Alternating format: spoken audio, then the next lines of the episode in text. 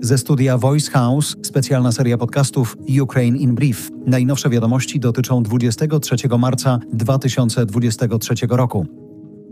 Prezydent Finlandii podpisał ustawę o wejściu jego kraju do NATO. Kilka tygodni temu zrobił to już parlament w Helsinkach. Finlandia zgłosiła chęć wstąpienia do NATO razem ze Szwecją w zeszłym roku w odpowiedzi na wojnę Rosji z Ukrainą. Czas jeszcze na decyzję Węgier i Turcji. To jedyne kraje członkowskie NATO, które jeszcze nie ratyfikowały członkostwa Finlandii, ale niedługo ma się to zmienić. Słowacja wysłała pierwsze myśliwce na Ukrainę. Na razie to cztery maszyny z 13 obiecanych. Kolejne samoloty zostaną dostarczone w najbliższych tygodniach.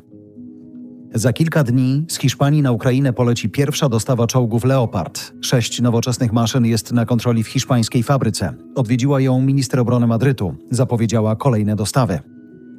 Amerykański doradca naczelnego dowódcy ukraińskich sił zbrojnych sugeruje, że wiosną Ukraina przeprowadzi bardzo silną kontrofensywę, która zaszokuje świat. Dowódca ukraińskich wojsk lądowych twierdzi, że pod Bachmutem oddziały rosyjskie tracą znaczne siły. Obiecał, że armia ukraińska to wykorzysta. Od początku wojny sądy wojskowe w Rosji skazały 250 osób za dezercję i odmowę wykonania rozkazów. Na rozpatrzenie czeka jeszcze 300 takich spraw. Badacze Kijowskiej Szkoły Ekonomicznej policzyli, że tylko w lutym tego roku Rosjanie zniszczyli na Ukrainie infrastrukturę wartą 6 miliardów dolarów. Od początku wojny zniszczenia sięgają 150 miliardów dolarów.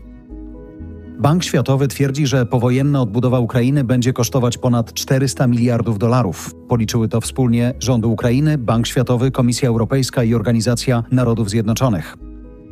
Kanada przedłużyła program wydawania Ukraińcom wiz umożliwiających legalny pobyt przez trzy lata i uzyskanie pozwolenia na pracę. Ten tekst został przygotowany przez redakcję Voice House. Do nagrania użyliśmy sztucznej inteligencji wykorzystującej głos Jarosława Kuźniara.